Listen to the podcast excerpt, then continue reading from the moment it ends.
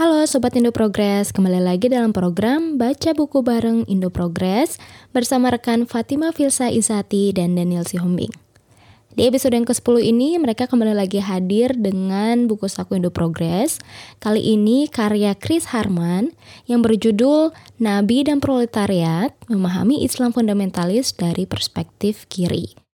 Saya Ruth Ferdiningrum dan selamat mendengarkan. Oke, okay, uh, selamat malam semuanya uh, pembaca IP. Uh, kembali lagi di Baca Buku Bareng Indo Progress episode 10. Um, kali ini tetap bersama saya Filza dan juga Daniel. Um, kebetulan nih lagi kurang sehat ya, jadi suaranya agak-agak serak-serak gimana gitu. Uh, tapi ya semoga terus berjalan lancar ya. Um, dan di episode 10 ini kita akan membahas lagi, uh, membaca bareng lagi buku Saku Indo Progress. Kali ini yang ini ya, judulnya Nabi dan Proletariat. Uh, memahami Islam fundamentalis dari perspektif kiri, uh, tulisannya Chris Harman uh, yang diberikan kata pengantar oleh editor The Progress juga Ikra, kawan Ikra dan diterjemahkan oleh saya sendiri ya, self appreciation ya. Dan diedit oleh kawan Windu. Dan dibaca oleh kawan Daniel. Jadi dari kita untuk kita oleh kita ya. ya, uh, dan kenapa kita memilih uh, membaca buku saku uh, edisi ini? Karena kan kebetulan ya kita lagi di bulan Ramadan, jadi sekalian aja kita bahas gimana sih um, apa Islam gitu ya, posisi Islam uh, dalam kaitannya dengan gerakan sosial di uh, dunia selama ini gitu ya dan sejarahnya itu seperti apa gitu. Um, nah, aku mau nanya dulu ke kamu nih Nil. Sebenarnya kan judulnya Nabi dan Proletariat ya. Tapi aku di hmm. dalamnya tuh kok nggak menemukan sebenarnya Nabi sendiri itu posisi exactnya tuh gimana sih terhadap proletariat. Kalau aku nggak menemukan itu, yang aku temukan itu adalah justru sejarah Islamisme apa gerakan-gerakan Islamis gitu Islamisme di beberapa negara gitu. Nah kalau menurut kamu ada nggak sih, jangan-jangan aku yang kelewat gitu, ada nggak sih posisi yang exact gitu, Nabi dan proletariat tuh di mana? Apa apa nggak ada jangan-jangan gitu, yang secara persis gitu. Betul, emang cuma disebut sedikit sekali ya, eh, dan itu juga nggak berkaitan langsung dengan posisi atau hubungannya dengan kelas proletar, tetapi dengan eh, bagaimana perkembangan sejarah Islam mula-mula ketika hmm. yang memunculkan kelompok Sunni dan Syiah. Itu kan masih awal sekali. Dan bisa dibilang uh, yang dibahas malah lebih banyak soal fenomena-fenomena abad ke-20 ya. Iya, itu maksud maksudnya.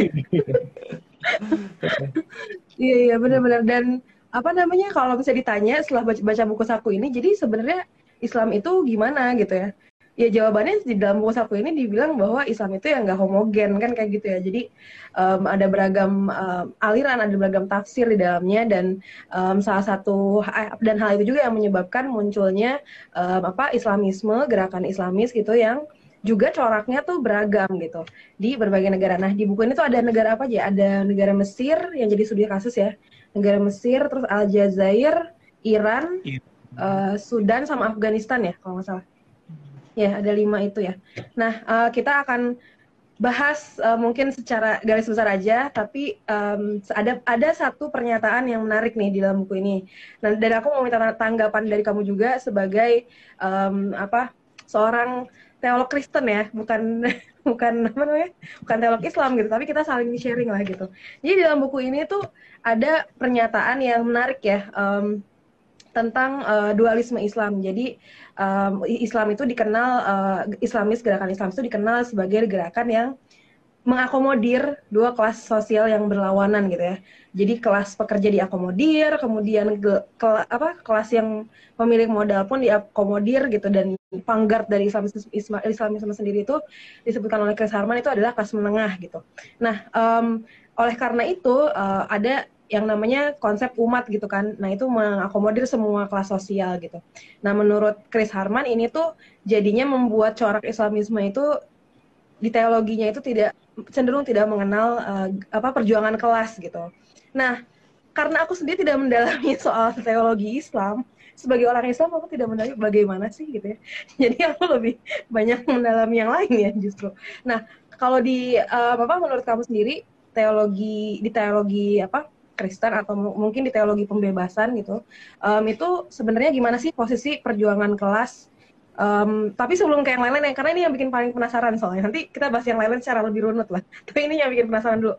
Gimana sih posisi apa namanya perjuangan kelas di dalam teologi pembebasan atau teologi Kristen? Dan kalau kamu tahu tentang yang teologisan juga boleh share.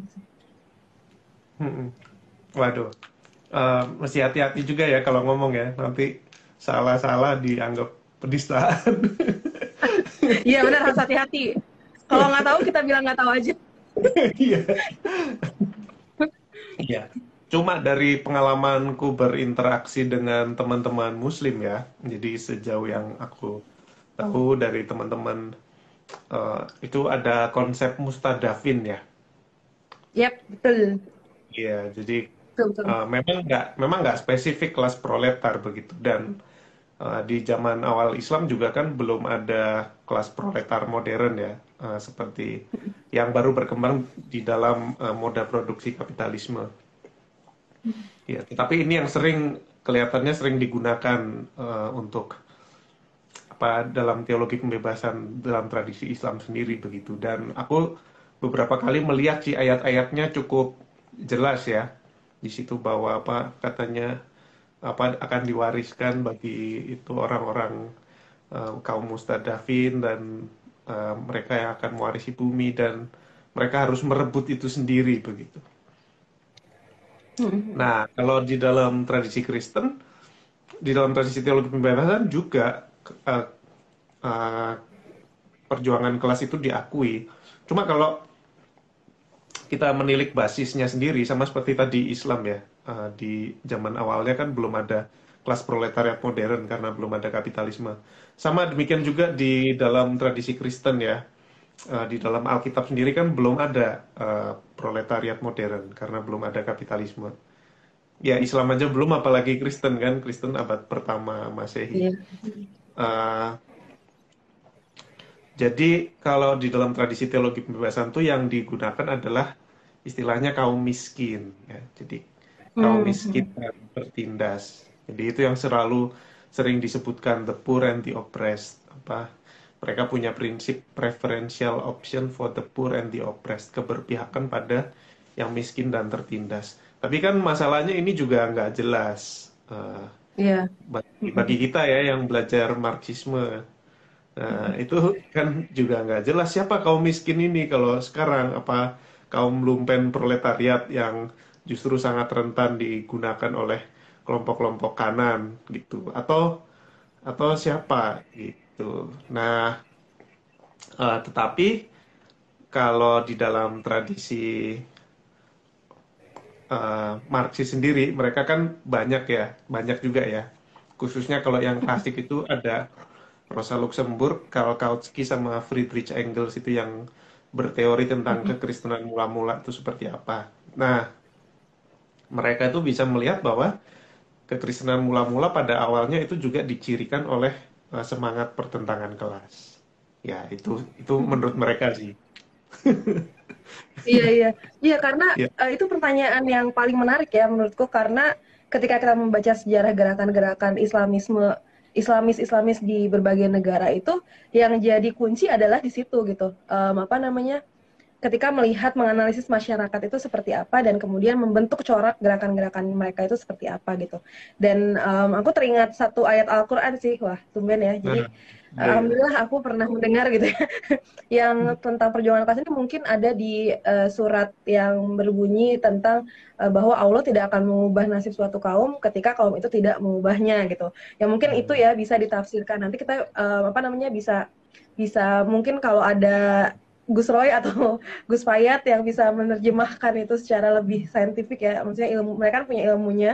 Mungkin bisa dibahas lebih lanjut tapi um, setahuku itu juga. Dan kemudian um, apa namanya karena tadi ya karena Islam itu ada konsep tadi umat tadi kan uh, dan dia cenderung mengakomodir uh, beragam kelas kan kemudian uh, ketika dalam apa me, me, apa melakukan pergerakan pun corak corak gerakannya itu juga dipengaruhi oleh analisis itu gitu. Dan di sini uh, Chris Harman bilang bahwa kemunculan gerakan-gerakan Islamis tahun 70-an tahun 80-an itu kan kebanyakan dipengaruhi oleh adanya kontradiksi di dalam kapitalisme itu sendiri gitu. Meskipun pada akhirnya mereka apa gerakan-gerakan Islamis ini uh, tidak sepenuhnya me, apa ya mengkritisi um, apa kapitalisme itu sendiri di jantungnya gitu, tapi uh, lebih kepada kebanyakan itu mengkritik penyebab dari um, apa krisis tersebut adalah um, apa namanya hilangnya moral-moral yang uh, sesuai dengan nilai-nilai Islami kayak gitu kan. Dan di sinilah memang um, apa namanya pada akhirnya um, gerakan Islamis ini justru memusuhi gerakan kiri kebanyakan gitu kan di beberapa negara ada dijelaskan di dalam buku ini detail-detailnya ya dan kemudian juga sering kali gerakan kiri itu menganggap gerakan Islamis itu um, apa namanya fasis antara fasis ah fas, fasis atau reaksioner kayak gitulah ya dan apa namanya menurut Chris Harman sebaiknya kita men, apa terhadap gerakan Islamis itu apa uh, apa bahasa dia tuh Islamis sometimes state never ya kalau nggak salah ya gitu. Yeah. Jadi uh, harus kita kalau mau beraliansi atau beroposisi dengan gerakan Islamis itu terkadang gitu ya apa um, lihat situasinya kayak gitu. Nah kalau kamu sendiri menurut kamu ya uh, selain itu apalagi sih yang perlu di highlight dari uh, buku saku ini? Iya, kalau buat aku sendiri sih uh, menarik ya banyak hal yang baru buat aku dari buku ini, apalagi aku selama ini kurang familiar ya, kurang mengamati lah sama pergerakan-pergerakan Islam yang ada. Jadi ya tentu aja di Indonesia pasti lihat ya ada fenomena seperti hmm. PKS gitu yang sejak iya. reformasi itu berkembang terus begitu. Lalu kemudian hmm. ada juga uh, fenomena 212 gitu yang dalam beberapa tahun terakhir ini apa terus vokal begitu dan apalagi baru aja bikin partai umat. Nah, namanya umat kan? Iya. Iya. namanya umat. Nanti kita masuk ke sana ya. Iya. Nah, jadi relevan banget dan apa ternyata kalau memang kalau mau lebih memahami gerakan-gerakan ini kan kita bisa membandingkan itu dengan perkembangan-perkembangan di abad ke-20 yang diceritakan dalam buku ini yang di Mesir lah Ikhwan Muslimin lalu di Iran lah dengan Khomeini uh, dan di beberapa wilayah yang lainnya. Uh, nah, tapi seperti biasa kalau sebagai Marxis ya penulisnya kan Marxis ya Chris Harman ya. Yep. Dia pasti nggak mau Dia anggota membaca. partai apa? Anggota eh, partai uh, buruh ya. Sosialis Worker Party. SWP. Nah, Chris Harman kan sebagai seorang marxis dia nggak mau uh, membaca Islam secara ideasional ya atau secara idealis ya dalam arti oh ini cuma ajaran dari masa lalu yang terbelakang reaksioner patriarkal dan lain sebagainya gitu tapi uh, melihat bahwa agama itu berkembang dalam sejarah gitu dan penafsiran apa yang berkembang di dalam periode waktu tertentu itu dipengaruhi oleh dinamika-dinamika historis uh, yang tidak terlepas dari moda produksi dominan hari ini yaitu kapitalisme. Dan ya kita bisa melihat di situ kenapa sampai muncul gerakan-gerakan Islam gitu yang yang besar begitu ya itu nggak bisa dipisahkan dari uh, perkembangan-perkembangan kapitalisme yang mendesak uh, wilayah-wilayah tertentu yang kebetulan Islam punya akar yang kuat di sana gitu.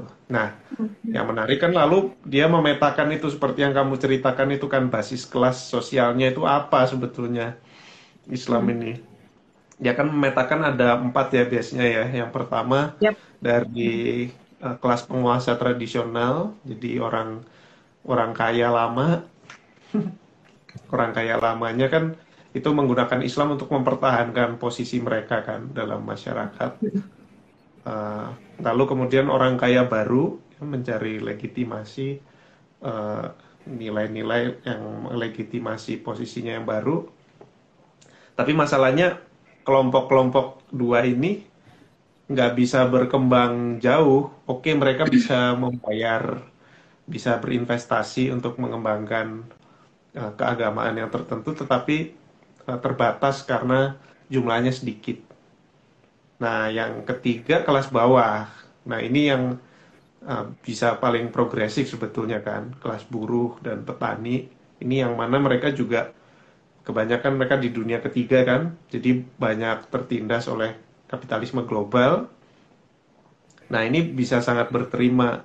Tapi ya itu seperti biasa kaum buruh dan tani sendiri itu susah mengembangkan uh, apa namanya? mengembangkan apa ya istilahnya ya tradisi pemikiran atau per, susah berkembang lebih jauh begitulah. Nah, yang bisa ya kelas menengah ini, makanya mereka banyak berkembang di kampus-kampus. Nah, ini ini penting banget buatku dan relevan banget kan, karena aku nggak tahu ya apa ini juga yang terjadi di Indonesia ya. Iya, yeah, exactly itu yang terjadi di Indonesia. Ya, Jadi itu yang berbeda. Iya, berbeda dengan kamu. Kalau aku sendiri memang sudah terpapar oleh gerakan Islamis justru sejak SMP nih. Jadi uh, di Indonesia ini uh, enggak sih aku nggak bisa bilang Indonesia tapi di kota-kota besar di Indonesia lah ya um, sebagian besar gitu organisasi-organisasi uh, rohani Islam misalnya gitu rohis-rohis itu banyak terpengaruh oleh gerakan-gerakan uh, Islamis ini gitu. Kalau di sekolahku dulu kental sekali pengaruh Ikhwanul Muslimin gitu karena um, sejak SMP itu aku sudah kenal tuh dengan Hasan Albana gitu ya. Terus Said Kutub bahkan aku ada bukunya buku apa kitabnya Said Kutub itu aku punya. Jadi emang udah terpapar gitu. Dan benar sekali um, apa uh, yang seperti yang disebutkan Chris Harman dalam buku saku ini ya um, bahwa yang diperangi adalah segala yang asing gitu nih jadi uh, apa imperialisme itu dipahami adalah ya semua yang dari asing dari barat gitu ya itu adalah yang perlu diperangi gitu. Makanya waktu SMP tuh aku mulai mengenal tuh yang namanya istilah-istilah uh, Gozul Fikri gitu-gitu apa perang pemikiran gitu. Jadi uh, bagaimana apa nilai-nilai Islam itu sudah terkooptasi lah dengan pemikiran-pemikiran barat gitu. Nah um, kemudian nah ini yang juga apa di masa kuliahku gitu ya, aku baru menyadari gitu bahwa oh kenapa pada akhirnya aku berbelok ke kiri gitu ya karena tidak menjawab pertanyaan-pertanyaan kegelisahan-kegelisahanku nih soal sebenarnya yang kita bela itu siapa gitu. Karena kalau di tradisi rohisku itu ya, yang dibela itu ya siapa gitu masih banyak pertanyaan gitu. Orang Islam aja pokoknya. Tapi kan sebenarnya orang Islam ini juga beragam banget gitu ya. Bahkan um, apa pengalamanku waktu dulu pertama kali misalnya menduduki pabrik itu dengan kawan-kawan buruh itu yang pemilik pabriknya itu adalah seorang yang berjilbab gitu. jadi kayak kayaknya nggak pas gitu. Nah itulah yang membuat aku justru jadi berbelok ke kiri gitu. Jadi oh sepertinya analisis marxis yang lebih bisa menjawab kayak gitu. Tapi memang um, apa soal terpapar atau enggak tuh memang aku udah terpapar dari SMP sini soal apa soal gerakan Islamis. Dan bahkan kalau dulu itu Eh, poster-poster uh, Ayatollah Khomeini itu uh, itu sangat wajar terlihat di kamar-kamar omku, tanteku gitu yang dulu mereka masih aku masih SD misalnya kayak gitu. Mereka tuh memajang poster-poster Khomeini gitu. Kalau enggak uh, Said Kutub misalnya kayak gitu. Jadi itu sangat sangat familiar. Cuma waktu itu kan aku belum mengerti ya ini tuh sebenarnya pemikirannya seperti apa dan ini baru pas kuliah aja baru ngerti gitu. Oh ternyata pemikirannya seperti ini seperti ini kayak gitu sih. Jadi benar gitu. Jadi ada pengaruhnya banget sih ke Indonesia gitu. Hmm. Nah, ini menarik ya karena yang ber, apa penjelasannya Chris Harman ini bahwa ini berkembang paling banyak tuh justru di kelas menengah, khususnya mereka tuh yep.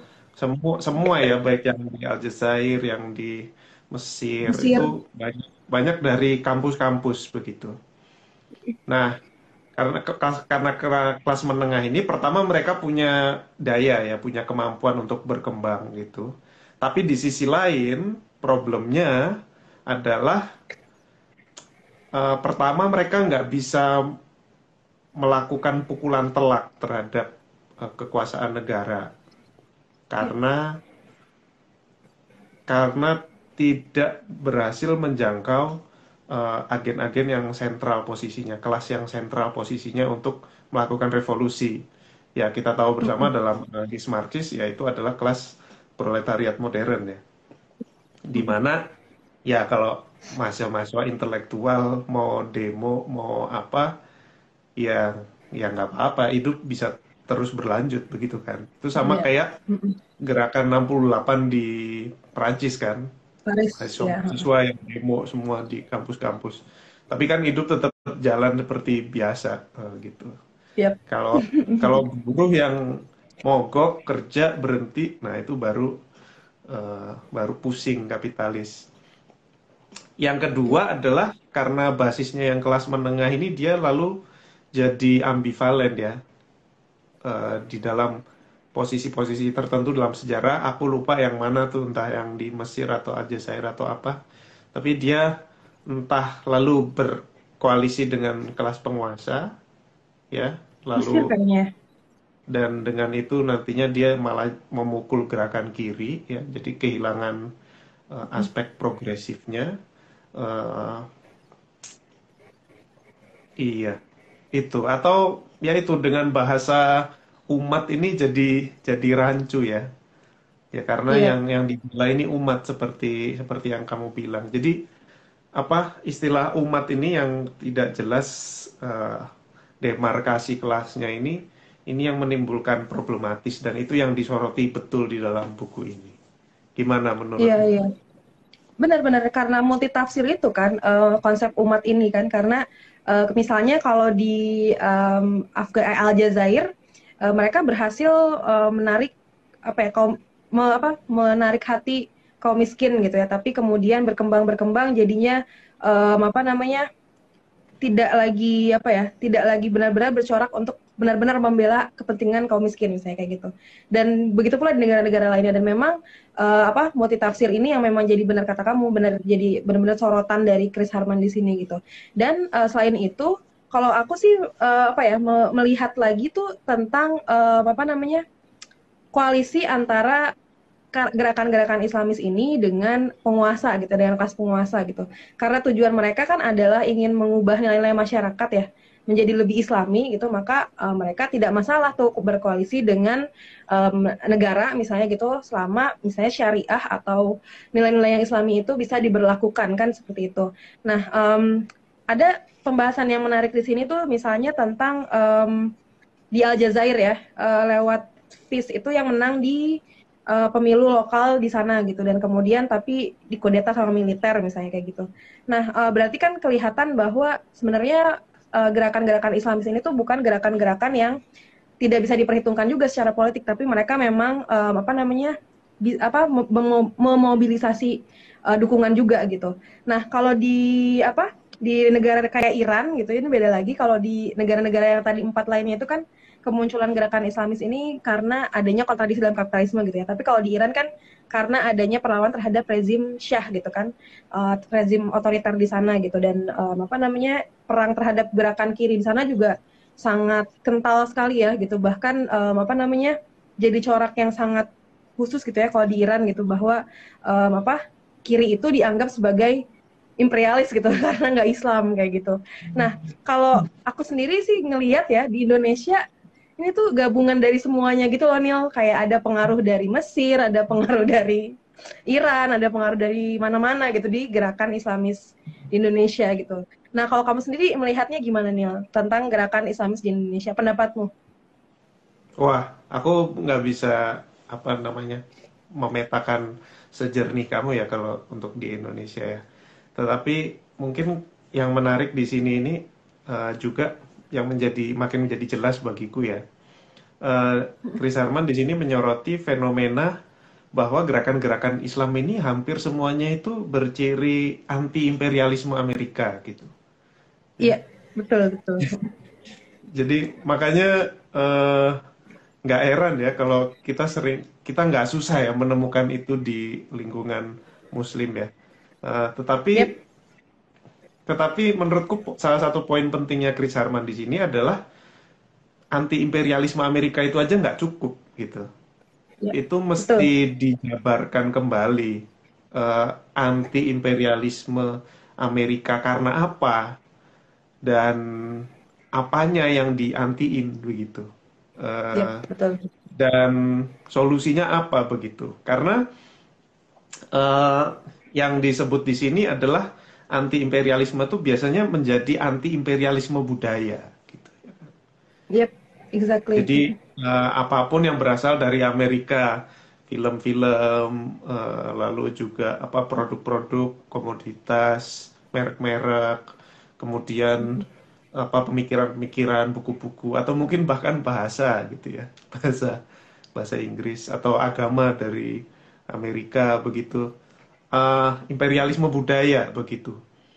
Nah, tentu saja sebagai dalam analisis Marxis lain gitu kan, imperialisme Amerika ya. itu ya terutama imperialisme dalam bentuk penindasan uh, sosial ekonomi melalui relasi sosial produksi yang ada gitu. Dan yeah. Chris Harman menurutku bagus sekali mengingatkan di sini pentingnya untuk melihat uh, bahwa slogan-slogan anti imperialisme Amerika ini yang sering dimunculkan oleh kelompok-kelompok ini yang bahkan sering kali lebih daripada kelompok kiri atau Marxis sendiri itu malah kadang-kadang justru menjadi kedok uh, kedok yang mengalih mengalihkan fokus rakyat dari uh, kontradiksi internal di dalam negara itu ya. sendiri. Ya. Jadi bagaimana kelas penguasa di negara mereka sebetulnya apa menikmati uh, apa namanya posisi mereka di dalam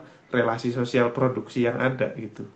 Jadi mereka itu ya, ada kelas penguasa yang masih mengambil keuntungan dari kapitalisme global dari posisi mereka dalam kapitalisme global, tetapi ya itu Islami, sementara kan gitu kan. Ya, sementara iya. mereka anti imperialisme Amerika itu terus dikumandangkan gitu. Gimana menurutmu? Iya benar Neil. Jadi um, apa karena yang dikritik adalah imperialisme budaya, akhirnya juga hal yang sering kali dilupakan adalah uh, ya jadi apa yang sebenarnya imperialis itu yang yang yang hilang gitu. Jadi misalnya, oh ya asal pakai kerudung, asal pakai jubah gitu, asal terlihat islami, ya meskipun dia kapitalis berarti dia Islam. Nah, itu kan yang sebenarnya um, apa namanya jadi problem gitu karena um, apa yang dimasalahkan itu kan bukan bukan tampilan ya, tapi relasi sosial dia dengan di masyarakat itu seperti apa gitu ya. Tadi seperti yang ilustrasi aku bilang di awal gitu. Uh, apa waktu aku terlibat di pendudukan pabrik itu uh, pengusahanya itu seorang yang berkerudung nih yang hmm. menindas buru-buru perempuan yang berkerudung juga gitu jadi apa sesama perempuan berkerudung gitu tapi beda kelas sosial nah itu yang sebenarnya jadi sering kali dilupakan gitu karena uh, yang dilihat kan hanya tampilan-tampilan um, yang sesuai dengan eh, nilai-nilai yang dianggap islami kayak gitu sih. Jadi benar banget sih. Dan dan apa namanya pada akhirnya juga um, sering kali aku tuh dulu inget ada majalah ya satu majalah aku nggak nggak tahu boleh bisa nyebut ini atau enggak. Tapi ada satu majalah yang memang um, pada waktu aku masih kecil ya SMP gitu yang kampanye terhadap tadi yang seperti yang kamu bilang ya kampanye terhadap uh, eh, anti imperialis uh, imperialisme Amerika itu lebih kepada jangan minum Coca-Cola misalnya gitu. Terus uh, apa jangan nonton film-film yang diproduksi oleh Amerika gitu. Alasannya ya karena uh, Amerika ini kan sekutunya Israel gitu dan dia menindas uh, apa saudara-saudara kita yang ada di Palestina kayak gitu. Nah, uh, ya apa namanya soal apa Zionisme di Israel ya later aku tahu kan bahwa ya aku mendukung perjuangan uh, apa pembebasan rakyat Palestina gitu. Tapi di dalam analisisnya ketika itu itu based on uh, agama gitu loh Neil. Jadi analisisnya itu bukan berdasarkan um, analisis misalnya pendudukan wilayah gitu, penjajahan atau okupasi wilayah gitu bukan, tapi berdasarkan um, apa agama kayak gitu. Jadi um, apa ini saya memang sangat kental sekali sih di apa dikampanyekan bener yang tadi kamu bilang gitu. Uh, nah kemudian um, soal yang uh, sesama gerakan Islami sendiri saling apa namanya um, saling berbeda, ber, berbeda corak gitu ya. Tadi kalau misalnya kita bilang kalau kita lihat di Iran itu kan mereka mengkritik uh, rezim Syah di Iran gitu dan kemudian kalau di um, apa namanya di Mesir dan di Sudan itu banyak pengaruh dari Ikhwanul Muslimin misalnya kayak gitu. Nah, um, aku sendiri se sangat senang ya dengan pengantar yang diberikan oleh Ikra di pengantarnya itu tentang um, sedikit menyinggung tentang Islamisme di Indonesia yang sebenarnya cenderung uh, kurang meletakkan analisis uh, ekonomi politik dan juga cenderung ahistoris gitu. Karena Ikra menyebutkan di sini ya tentang Haji Misbah misalnya tentang um, apa uh, syarikat Islam ya pada waktu itu yang kemudian bertransformasi menjadi um, apa ISDV dan lain-lain gitu. Jadi um, apa namanya itu yang yang menarik gitu bahwa oh dalam sejarahnya di Indonesia itu juga gerakan Islam atau Islamis di Indonesia itu juga pernah punya hubungan yang erat dengan gerakan kiri kayak gitu. Jadi itu juga yang bikin aku seneng sih. Maksudnya baca pengantar ikra itu jadi mengingatkan kembali oh iya ya gitu. Uh, ada beda ya antara um, apa Islam-Islam yang dulu zaman-zaman uh, apa sebelum Orde Baru gitu dengan setelah Orde Baru yang ada Ichmi dan lain-lain kayak gitu sih. Kalau kamu gimana? Betul banget. Makanya penting banget menurutku itu mengangkat terus ya tradisi-tradisi itu. Aku mengapresiasi banget ada kawan-kawan yang bikin islambergerak.com itu dengan ya. dari penggunaan namanya aja itu udah uh, sebuah statement yang luar biasa menurutku. Ya, jadi mencoba menghidupkan kembali uh, tradisi yang yang unik di Indonesia di masa lalu ya. Uh, dan aku aku kaget ya karena aku kan ikut kelas Indo Progress yang dipimpin Gus Roy juga ya yang Islam dan Marxisme. Oh yang bulan April kemarin ya? Nah, pengalaman Indonesia. Aku kan ikut juga. Aku juga terkejut itu karena aku di kelas itu aku tanya, aku penasaran kan kalau Islam-Islam kiri di Indonesia itu ya eh, Haji Misbah lah, terus ada juga yang lain-lain itu. Aku tanya mereka anti Kristen nggak? Ya, soalnya kan uh, apa namanya? Menurutku itu bisa menggoda sekali kan, kan uh, Belanda, uh, lalu negara-negara kolonial itu kan negara-negara Kristen banget waktu itu. Ternyata enggak ya, kalau kata Gus ya. Aku pertamanya ya agak-agak beneran apa enggak. Tapi uh, di makalah yang beliau bikin ternyata aku lihat ada kutipannya dari Haji Misbah ya ternyata enggak loh. E, pembaruan yang dia cita-citakan tuh e, pembaruan yang merangkul e, semua bangsa semua ras semua agama. Jadi e, Islam yang inklusif dan juga progresif revolusioner. Itu Woy, alhamdulillah amin ya. itu menurutku tradisi yang apa pen, apa yang luar biasa dan itu ada dalam sejarah Indonesia di masa lalu itu yang menurutku uh, penting sekali untuk terus diangkat. Betul betul. Jadi penting banget ya untuk tidak menjadi ahistoris ya karena sebenarnya uh, untuk merujuk sejarah di negara kita sendiri aja udah ada gitu kan. Dan emang kalau oh ini aku jadi berbicara agama lagi ya. Semoga bener nih.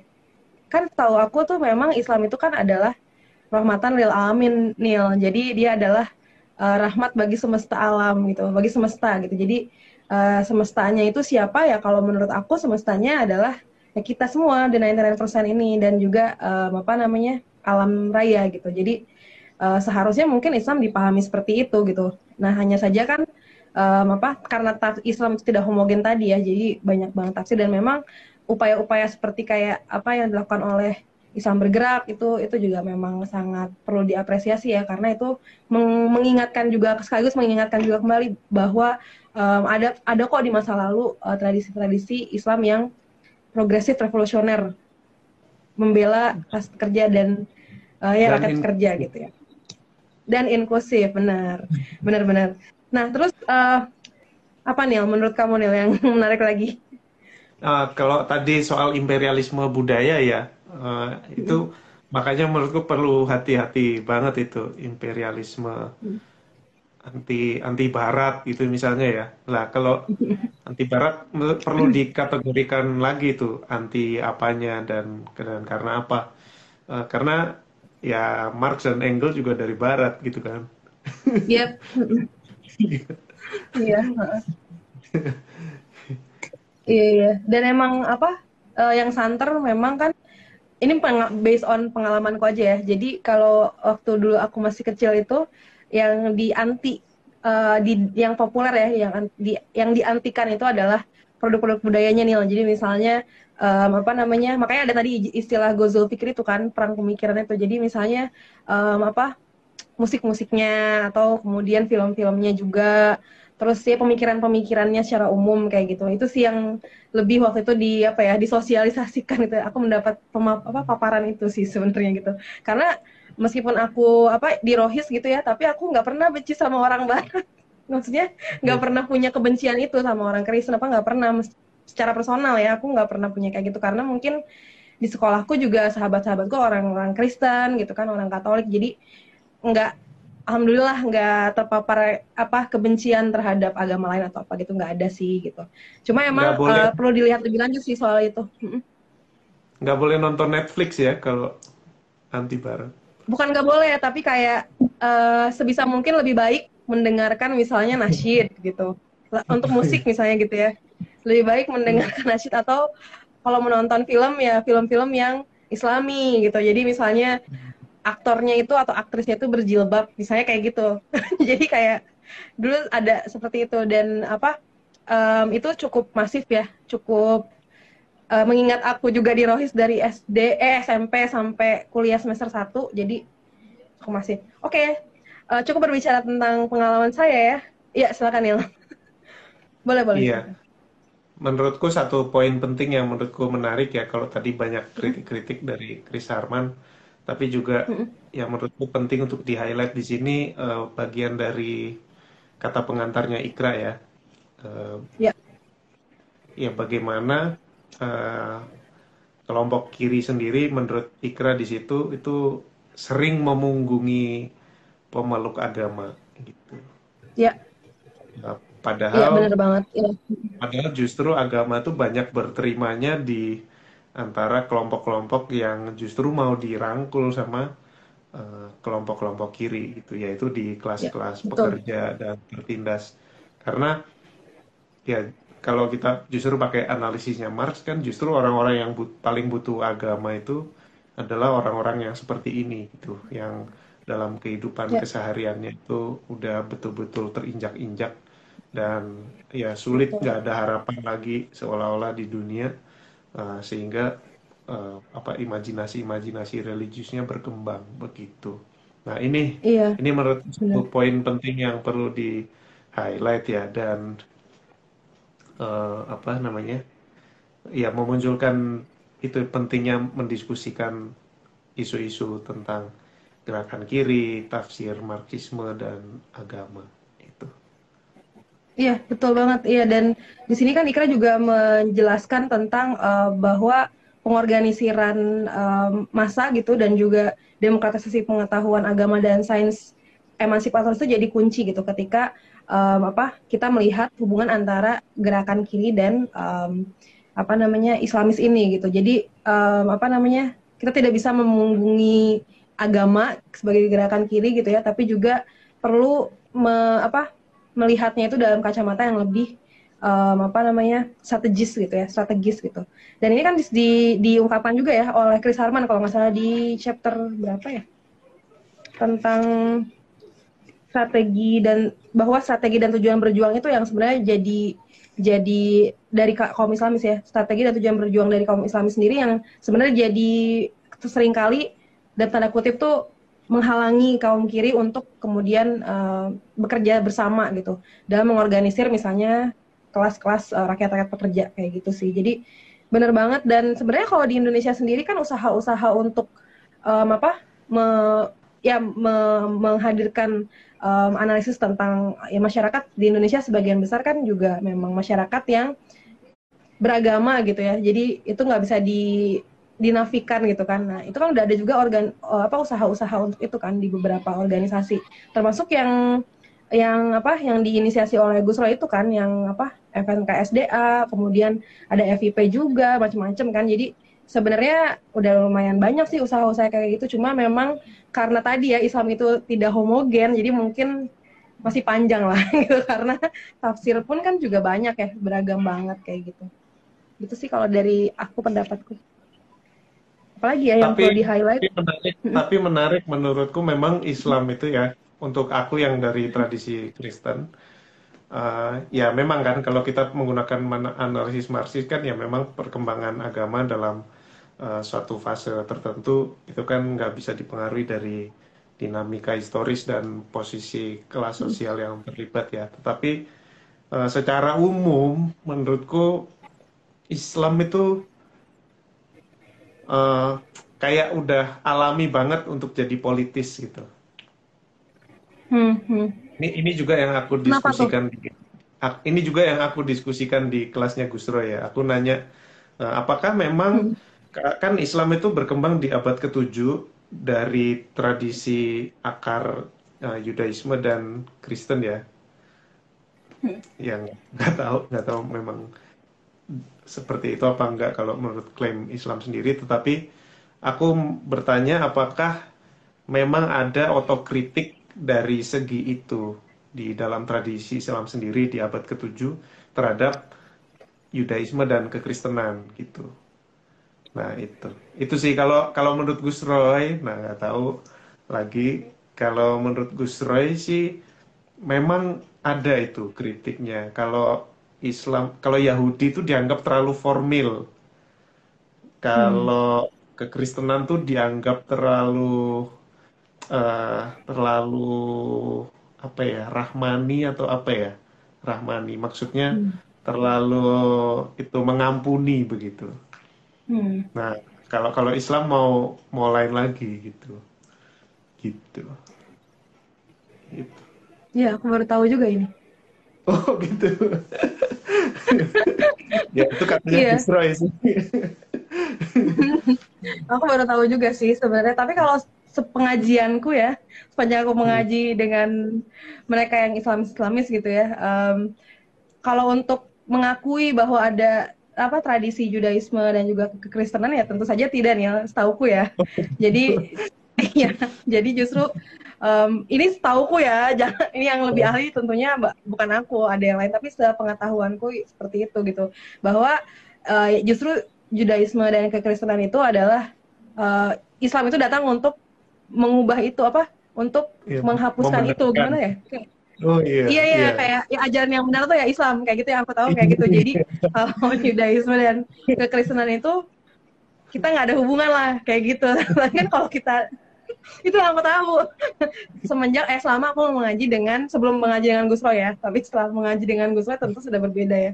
Jadi setahu aku seperti itu dan misalnya salah ya mohon maaf lahir batin kalau misalnya salah kayak gitu. Jadi um, apa namanya makanya uh, bisa dilihat juga uh, tadi statement kamu ya Islam otomatis uh, gerakan politik sebenarnya itu menarik banget karena um, apa namanya aku sendiri melihat hal yang sama sebenarnya.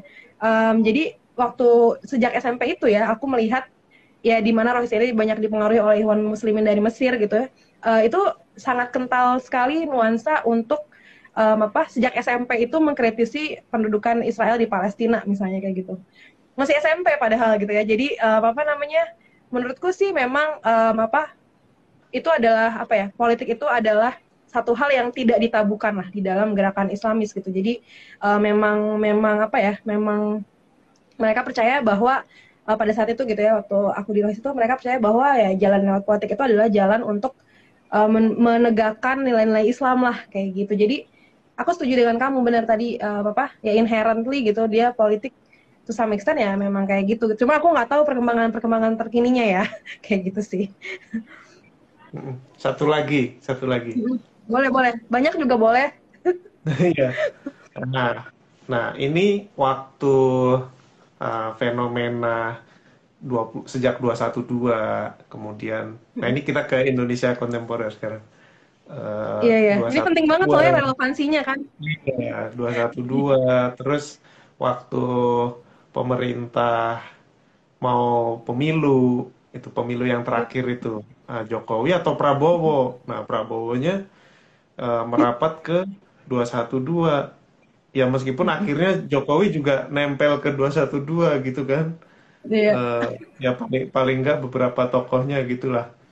Nah, hmm. aku ingat waktu itu tuh dalam sebuah diskusi di LBH Jakarta, aku nonton siarannya atau YouTube-nya, itu ada satu uh, satu orang aktivis kiri yang udah senior juga ya, Daru ya yang hmm. berteori di situ katanya kalau dalam tradisi kiri itu kalau memang belum bisa ngerebut kekuasaan mesti beraliansi dengan faksi yang paling progresif dari kekuatan yang ada untuk memukul yang paling reaksioner.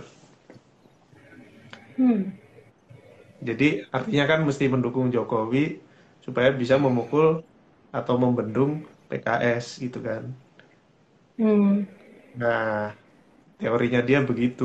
Dia mengutip Lenin di situ. Nggak tahu kutipannya dari mana sumbernya juga, tapi tapi mengutip Lenin. Nah, eh, kalau di bukunya Chris Harman ini dia nggak setuju sama teori kayak gitu. Iya benar, benar ya. Iya. Di bukunya Iya, Chris Harman ini dia nggak setuju. Jadi justru selalu kaum kiri kalau menurutnya Chris Harman di sini selalu harus melawan negara atau penguasa Yap. yang ada dan sesekali mungkin harus beraliansi dengan yang Islami. Nah, itu jadi Iya lebih yang tadi pusing. di awal kan. Iya, nah itu jadi Iya. lebih pusing lagi. Jadi lebih pusing lagi kalau kalau dalam kasus itu dulu gimana tuh jadinya?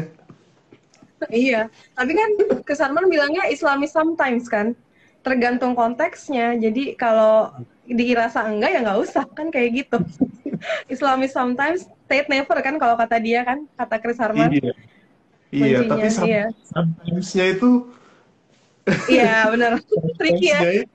iya, tricky. Iya, Nah, tricky, itu tricky, benar-benar. benar. itu menurutku. Iya, mungkin Karena ini kan kali ya, eh, apa namanya? Karena karena waktu itu di kalangan kiri kan menarik juga ya selain ada orang-orang yang oke kita berkoalisi sama yang sekuler, eh, yang neoliberal dulu, yang bineka tapi neolib buat memukul dulu ini yang reaksioner. Oh iya, familiar ya. Eh, tapi, tapi di sisi lain ada juga yang aduh udahlah pokoknya bukan Jokowi gitu kan. Jadi waktu Iya, waktu demo Ya, yang nolak nolak hasil pemilu itu yang sampai malam sampai Hmm. apa. Waktu itu kan aku dengar cerita dari teman katanya ada yang ikut dari aktivis kiri katanya ya Oh, banyak pokoknya, pokoknya bukan Jokowi gitu. Iya iya banyak banyak. Mantan aktivis kiri mungkin ya. oh gitu. Kayak nggak sepakat gitu dibilang aktivis kiri. iya. Ya. Itu, Iya, itu iya, menarik menurutmu. Gimana menurutmu Phil Iya, bener banget. Jadi 2019 kemarin tuh memang apa ya lab sosial yang juga lumayan besar ya untuk kita bahas gitu ya. Eh, apa namanya banyak banget problem-problemnya gitu. Soal yang 212 ini kan dulu eh, ada juga eh, apa namanya kampanye atau apa ya narasi yang yang mengemuka juga gitu. Misalnya em, kalau dari apa dari yang yang lebih familiar itu dari kelompok-kelompok minoritas lah gitu ya agama minoritas agama gitu. Misalnya jangan pilih Prabowo nanti eh, is, apa Islam yang berkuasa. Apa nanti orang Kristen nggak bisa nggak bisa apa beribadah atau apa kayak gitulah. Jadi ada narasi-narasi kayak gitu. Jadi kebencian antar umat beragama tuh timbul lagi gitu loh waktu pemilu kemarin kan. Kesannya tuh kalau Islamis itu Islam Islam itu ke Prabowo merapatnya. Kalau apa namanya yang mau menjaga kebinekaan itu ke Jokowi. Jadi kan dipolarisasi gitu loh tahun 2019 kemarin itu kan seolah-olah tuh itu gitu. Apa kontradiksi pokoknya gitu. Padahal kan sebenarnya bukan itu gitu ya. Jadi em, apa namanya itu sih bener yang mengemuka dan em, apa sekarang ada partai umat itu kan kelanjutan dari yang em, apa 2019 itu ya. Ini kita menyebut-nyebut nama partai ini bukan mempromosikan ya pembaca IP jadi kita hanya ingin membahas aja. Kayak gitu. Iya. jadi emang 2019 kemarin itu menurutku malah me- mengemukakan kembali apa ya prasangka-prasangka sosial yang terpendam gitu ya antara uh, umat beragama gitu ya, terutama antara Islam dan Kristen gitu melalui ini pemilu gitu. Dan itu itu menurut aku uh, parah sih. Dan sampai sekarang kan masih kadang-kadang dilabeli tuh kalau yang yang berjilbab atau sekiranya kelihatannya Islam tuh kadrun misalnya gitu. Kalau yang enggak itu cebong atau apa gitu kan. Nah sebagai yang berjilbab dan kiri kan saya merasa dirugikan ya dengan labeling-labeling kayak gitu gitu ya. Kayak ini nggak pas deh kayak gitu-gitu gitu. Ya gitu sih. Jadi sampai sekarang masih masih ada dampaknya. Tapi menurutku Anyway, ya, Mhm. tapi menur- menurutku kalau eh, yang Chris Harman maksud di sini itu menurutku bukannya ikut yang demo mau menggulingkan eh, Jokowi itu waktu itu, tapi menurutku Mhm. eh, di dalam apa diskusi-diskusi di dalam pengorganisiran itu kelompok kiri merapat ke kelompok-kelompok yang merasa dirugikan oleh pemerintahan sekuler liberal yang ada sekarang uh, sambil ya berusaha ya menjelaskan kepada mereka pelan-pelan uh, tentang kelas, tentang ekonomi politik dan lain sebagainya. Tetapi yang jelas adalah bukannya berkoalisi dengan pemerintahan sekuler liberal yang ada. Itu menurutku iya, ya. Iya. Ya, dimaksud. Iya, setuju aku. Iya, iya benar, benar. Ini by the way ada yang udah berkomentar dan nanya kayak kita lihat ya satu-satu ya. Iya, udah banyak. Ya. Uh, banyak banget ya dari tadi maaf nih kita keasikan ngobrol bahas baca buku berdua aja. Tunggu kita lihat. Kamu banyak bisa lihat nggak? Aku ngikutin semua sih dari tadi, tapi banyak yang Oh, aku enggak. Ya. Tapi banyaknya komentar aja. Iya. Oh, komentar ya. Ntar kita baca aja ya mungkin. Dalam teologi pembebasan Islam disebutkan bahwa tafsir Al-Quran itu bisa berubah ketika ditafsirkan oleh pemerintah untuk melanggengkan status quo. Apakah itu benar? Hmm, tahu sih memang tafsir itu kan emang ada ilmunya ya, ilmu tafsir dan tergantung siapa yang menafsirkan kan tafsirnya itu seperti apa. Makanya ada uh, feminis-feminis yang mengkritik soal uh, tafsir ya, kayak Fatima Mernisi, kayak gitu-gitu kan uh, dia scholar-scholar yang mengkritik tentang didominasinya tafsir oleh uh, apa male dominated tafsir gitu ya. Jadi uh, ada juga yang kayak gitu. Jadi setauku sih memang tafsir itu tergantung siapa yang menafsirkan sih bener. Tapi untuk pertanyaan spesifik ini aku belum pernah dengar yang setahu aku yang soal tafsir yang male dominated itu sih dikritik oleh feminis muslim seperti Fatima Mernisi kayak gitu.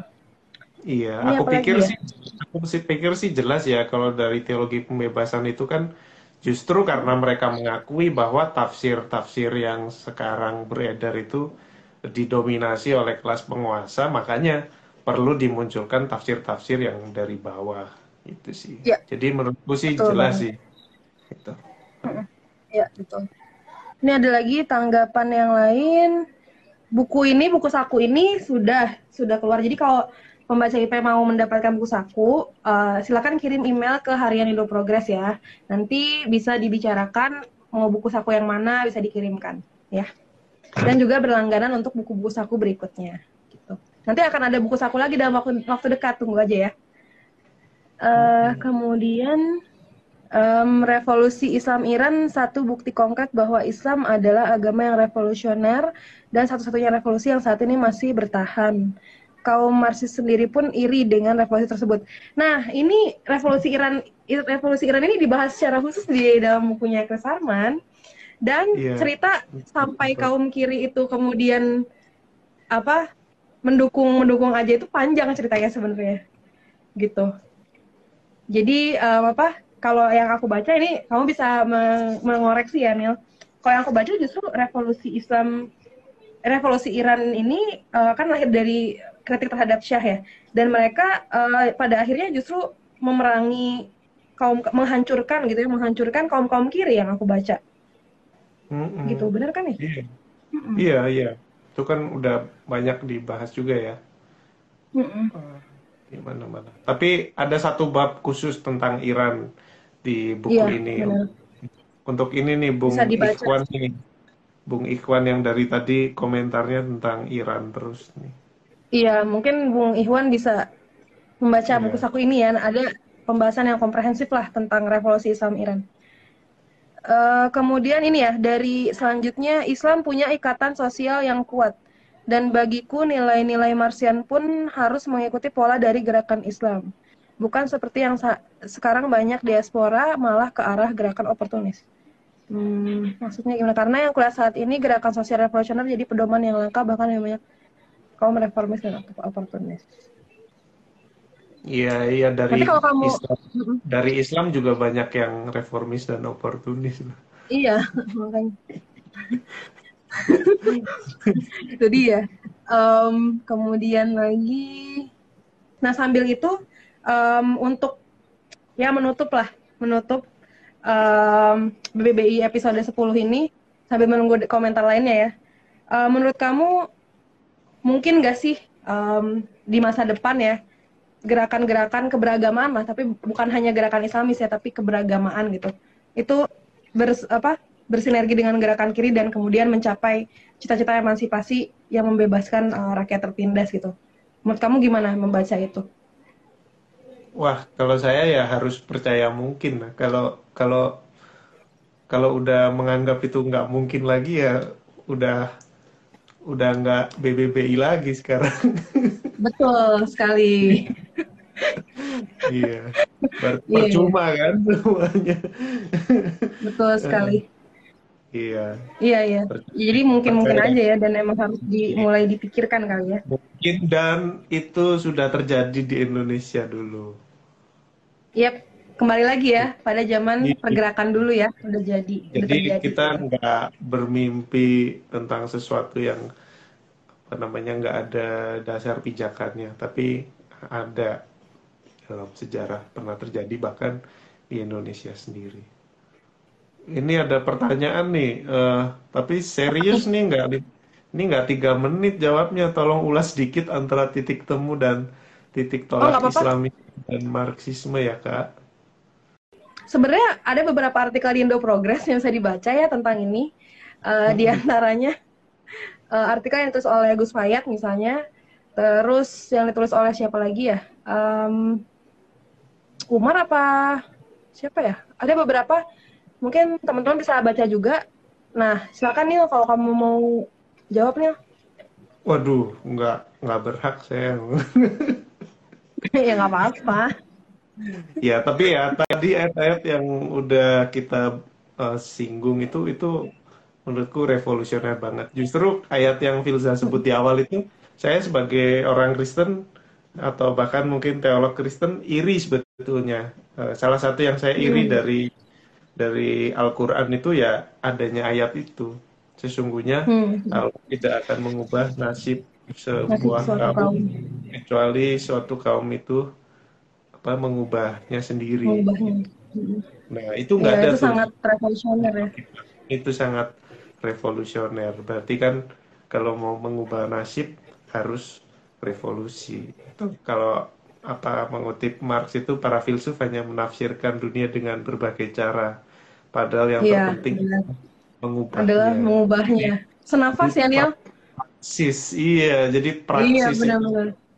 Praksis benar, revolusioner benar. itulah yang yang mengubah. Itu salah iya. satunya ya, ya menurut saya. Iya, benar. Setuju banget. Karena kalau untuk detail-detailnya yang lebih lanjut, uh, kami berdua ini sebenarnya tidak mempelajari teologi Islam secara khusus ya. Jadi um, apa namanya teman-teman bisa membaca um, beberapa artikel di Indo Progress yang juga sudah membahas itu sebenarnya ya gitu. Dan memang ayat tersebut um, apa juga apa sering kali ditafsirkan tentang misalnya ketika kita mogok kerja gitu ya mogok kerja di pabrik atau uh, apa ada aksi-aksi buruk biasanya ceramah agam keagamaan itu menggunakan ayat itu juga nih jadi memang um, apa salah satu ayat yang juga sering di apa ya diceramahkan gitu yang sering disiarkan kayak gitu. Jadi emang inilah emang revolusioner ayat tersebut ya. Semoga semakin banyak orang Islam yang juga ini menyadari pentingnya ayat tersebut gitu Oke, okay, um, ya ini soalnya kebanyakan orang memandang sentimen Marxisme ketika bicara sebagai Islamis akan kontradiktif Islamis dan Marxis. Iya benar, karena di kita kan ada konteks ini juga ya, konteks uh, sejarah 65 misalnya gitu ya, dan um, apa itu juga mempengaruhi kan uh, adanya ketegangan-ketegangan gitu antara um, apa Islamis dengan uh, Marxis misalnya kayak gitu. Jadi itu juga yang padahal sebelum itu sudah jelas gitu ya di masa pergerakan itu ya ada Haji Misbah, ada Sarekat Islam dan lainnya itu yang yang justru menunjukkan gitu bahwa titik temu antara Islam dan Marxisme itu sangat kental sekali gitu.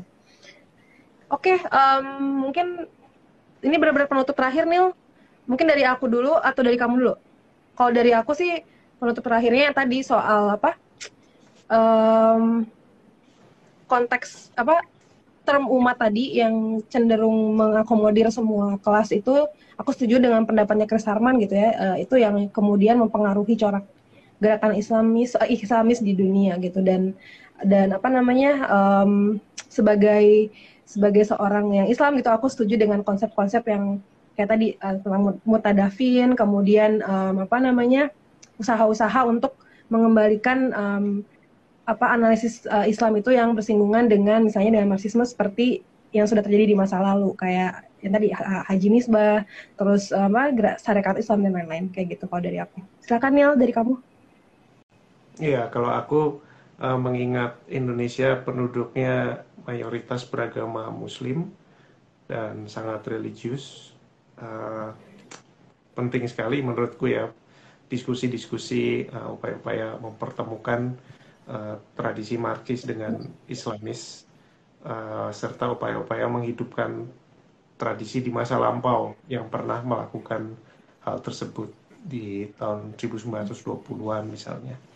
Itu aku sangat mengapresiasi teman-teman yang mencoba melakukan itu dan uh, mengingat di Indonesia kontradiksi kapitalisme semakin parah dan apalagi COVID banyak yang di PHK dan lain sebagainya. Aku yakin ke depannya akan semakin banyak orang yang mencari solusi alternatif ya. Dan pemerintahan liberal sekuler uh, yang nggak sekuler sekuler amat juga sebetulnya. Tapi secara umum lebih sekuler daripada banyak negara-negara Islam. Um, itu uh, akan semakin goyang dan ya aku cuma berharap ya sebelum apa aku cuma berharap supaya kalaupun itu nanti berganti nggak digantikan dengan eh, rezim-rezim apa reaksioner yeah. ya tetapi ya tentu saja rezim yang uh, progresif revolusioner tapi juga inklusif amin yep. itu harapan kita semua ya Niel semoga ya amin mumpung lagi amin. di bulan Ramadan kita berdoa yang kayak gitu ya karena katanya kalau di bulan Ramadan tuh doa-doa paling dikabulkan juga. Salah satu waktu yang paling banyak dikabulkan doanya katanya. Jadi kita berdoa seperti itu. Oke, uh, se sepertinya sudah satu jam ya nggak kerasa juga, asik juga ya ternyata membicarakan tentang apa sejarah gerakan Islamis ini dan kenapa kita nggak bahas detail negara per negara ya supaya pembaca IP baca sendiri. Jadi karena kita baca buku bareng tidak ingin membaca semua secara detail-detailnya gimana gitu nanti nggak dibaca deh bukunya gitu kan. Jadi baca uh, buku namanya, bareng. dibaca. baca buku bareng bukan membacakan. Ya betul sekali. Bukan membacakan bukan audiobook ya kita. Ya jadi begitu um, sudah sudah satu jam lebih juga nggak kerasa. Dan kemudian nanti kita akan BBB lagi bulan depan. Setelah lebaran kita akan bahas buku apa tunggu aja uh, kabarnya di Instagram uh, Indo Progress. Uh, kemudian apa lagi ya Nil? Udah sih kalau dari aku. Selamat okay. menyambut Idul Fitri ya karena tidak hmm. boleh mudik dan tidak boleh bepergian ya. Jadi di rumah aja Idul Fitrinya kali ini juga. Jadi uh, semoga tetap diberikan kekuatan uh, secara fisik dan mental uh, dan menyambut Idul Fitri ini dan banyak sekali yang THR-nya dicicil gitu um, termasuk suamiku juga dicicil THR-nya jadi banyak sekali THR-nya dicicil dan mungkin tidak dibayarkan um, semoga bisa mengadukan persoalannya ke serikat-serikat buruh yang membuka posko-posko pengaduan tentang THR juga ya. Jadi um, apa? Memang ini kita di situasi yang ya masih belum berpihak lah sama uh, rakyat kerja ya. Jadi masih seperti ini kayak gitu. Oke, uh, terima kasih banyak. Sampai bertemu lagi di BBBI episode 11 bulan Juni mendatang. Dadah, terima kasih ya Neil. Ya, sama-sama. Dadah, sehat-sehat. Ya.